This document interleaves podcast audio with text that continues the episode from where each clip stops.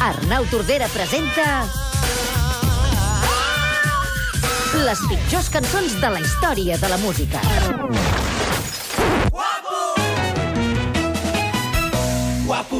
Diuen quan passejo.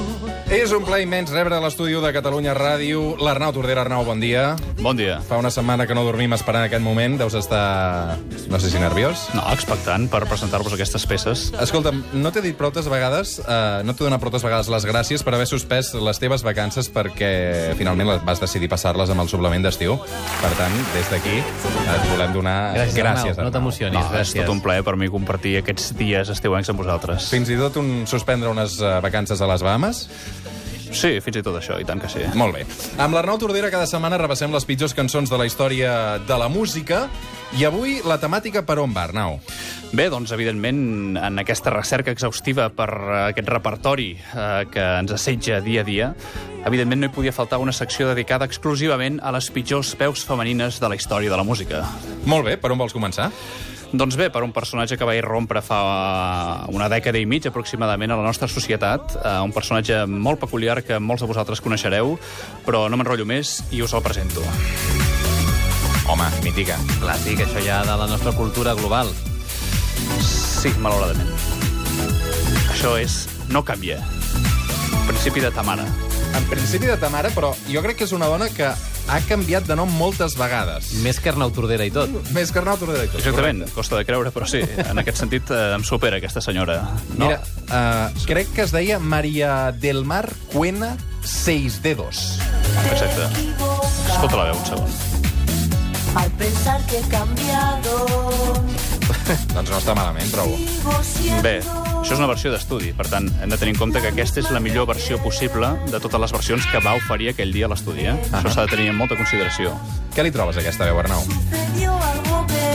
Bé, crec que es manifesta per ella mateixa. És una veu sense cap punt de tonificació absolutament deixada i sense cap atractiu estètic, no? Ahà. Però bé, a part d'això, també m'agradaria ressaltar aquest element del canvi de, de nom, no? És a dir, eh, una senyora que es va donar a conèixer amb un tema que es deia No canvié, i en canvi, doncs, eh, dient-se Maria del Mar Cuena 6 dedos, es va popularitzar amb el nom de Tamara, Ahà. després va tenir alguna disputa amb una dona que també es deia Tamara públicament, eh, bé, com moltes altres, però aquesta... Per era- vergonya d'ella, no, Era una artista... Sí, home, evidentment, és a dir, la pobra Tamara era aquella noia angelical, Que va bonica i sortir tal. D'un programa de nens que canten. A vegades sabeu coses que em preocupen, nois. Ja, ja ho penso. No, però és que això no és tot. Jo també em preocupo, segons que, que, em, que em sento dir. Aquesta senyora, després d'aquest litigi, després eh, va passar a, a dir-se Àmbar, va ser un nom que va durar Ah, poc temps, allò- i avui en dia... Correcte, sí, perquè en- estàvem Sí. entre, entre el verd i el vermell, no? Molt ben vist. I avui en dia, eh, diguéssim... Perdoneu. No, no. eh, Digues, digues, perdona. Brillant, eh? És- És una línia també que s'adequa molt No a la qualitat la de, de les veus que presentem. Ah, això sí. I finalment el nom amb el qual és coneguda avui en dia és Llorena. Eh? És Molt aquest, bé. sí, sí. Doncs eh, amb Llorena estrenem aquesta secció avui dedicada a les veus femenines, però tens més noms, Arnau. Exacte, Llorena és una mera aficionada al costat del següent grup increïble de definir. És a dir, estem parlant... Bé, no m'enrotllo més, escolteu això. vida que m'has donat per haver-te casat amb el pare i per haver-me estimat. És espectacular. mare, per tot el que m'has ensenyat. Per tot el que m'has ensenyat, està bé. Jo haig de reconèixer que vaig ser una època fascinat d'aquests personatges que ara ens Qui, són- presentaràs. un moment, eh? qui Sí, són sí, aquests? sí. Qui són aquests? No, no, aquesta és un grup d'un anomenat pop catòlic que es diu Flors Marier, d'acord? És un grup de set germanes. Puja, puja, puja, puja. Sí, sí, sí, sisplau. Allò, siete, nove, siete, para siete hermanos, pues sense los hermanos, eh?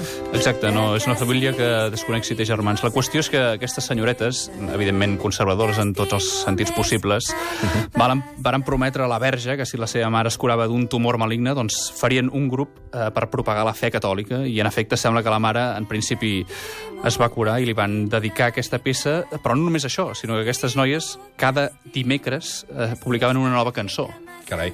fins que, malauradament, la mare crec que va morir recentment, i ara han posposat aquesta grandiosa producció eh, setmanal a una peça cada dos mesos, cosa que també em sembla una proesa des del punt de vista de la qualitat, eh, tenint en compte que ofereixen aquest tipus de música. Doncs eh, per tots aquells que us la vulgueu descarregar, posar de polito al mòbil, heu de saber que això es diu Gràcies Mare i és de Flors Marià, eh? Digues, Jo buscaria vídeos d'elles a YouTube, eh? Són impagables, perquè segueixen la línia musical a la perfecció.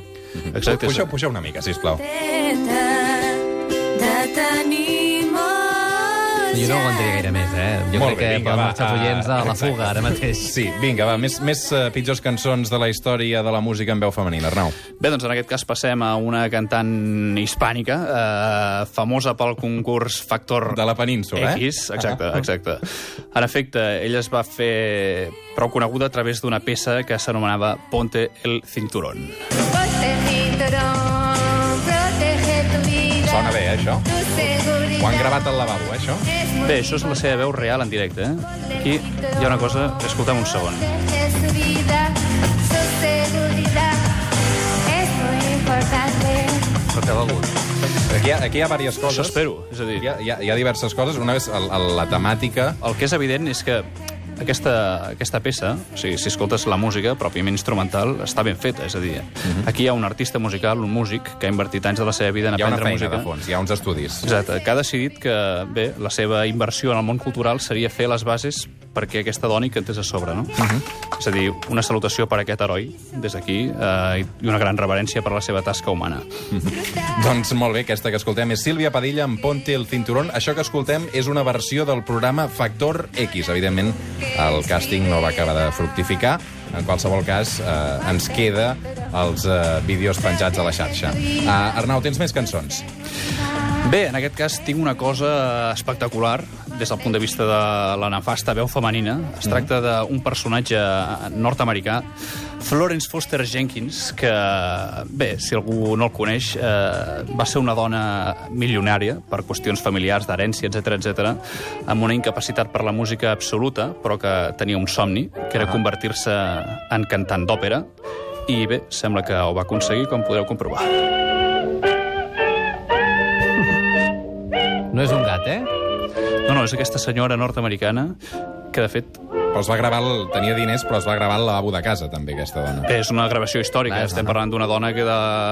nascuda el 1868. Eh? Ahà. Per tant, eh, diguéssim, va viure en la plena ebullició de, del barisme i, i d'aquests anys de, de més importància de, de l'òpera lírica europea. A veure, pugem una mica. I en aquest Aquí cas... venen els pinyols, aquí venen els pinyols, veuràs. La flauta màgica de Mozart. Aquí, aquí, aquí. Si espera la nota més aguda és, és espectacular. Arnau, què? Un segon, un segon. Ara.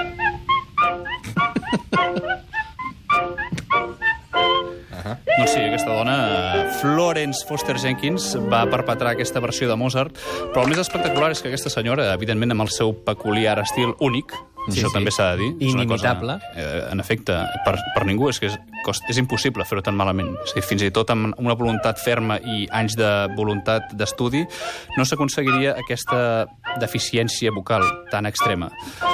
Però la qüestió és que la dona va Canviem, canviem ja, sisplau, això, perquè Va això de esdevenir- fons... Pos, posa'm alguna cosa més animada, va, sisplau.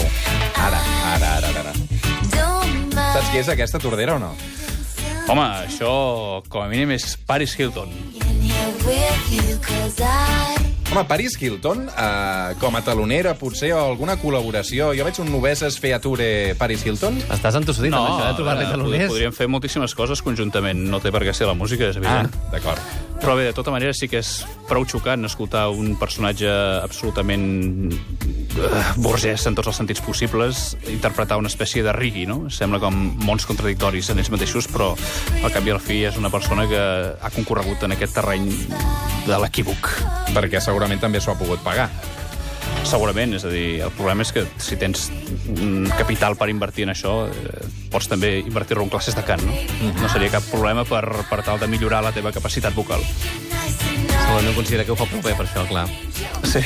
Bé, i en aquest sentit, eh, també us convido a escoltar una dama, eh, també peninsular, prou famosa, que va, va fer un, bé, un, un duet amb un músic contrastat com Miguel Bosé. Es tracta de Penelope Cruz. El último que apague la luz, que cierre la puerta despacio. Doncs escolta'm, prou digne, trobo, eh? Ara no me la vens a criticar, la Penelope? Bé, hi ha la qüestió pròpia de la interpretació. Reitero que això són gravacions de discos. És a dir, la nostra anterior Florence Foster Jenkins, si hagués passat per un estudi contemporani, segurament sonaria molt més bé del que, del que l'hem sentit. Però bé, de tota manera, aquesta veu absolutament Una mica destimbrada. impostada, no, potser? No, hi falta, hi falta vida, hi falta faltar, tonificació. Una veu excessivament arejada que no comunica, buida en el seu sentit. No comunica, eh? Vaja. Què et comunica, Sembla tu que parli més que no pas que Què, canti. què et comunica, tu, de Penelope Cruz, Arnau? Bé, altres elements propis de la seva personalitat i fins i tot la seva projecció física, no? Però en aquest cas la veu cantada no seria el seu millor atribut. Des del meu punt de vista en té d'altres molt més extraordinaris. Avui amb Arnau Tordera hem eh, repassat algunes de les pitjors cançons de la història de la música en veu femenina. Arnau, és un plaer tenir-te al suplement d'estiu. Demà més. El plaer és meu. Adéu, Fins demà Arnau. diumenge. Adéu, adéu.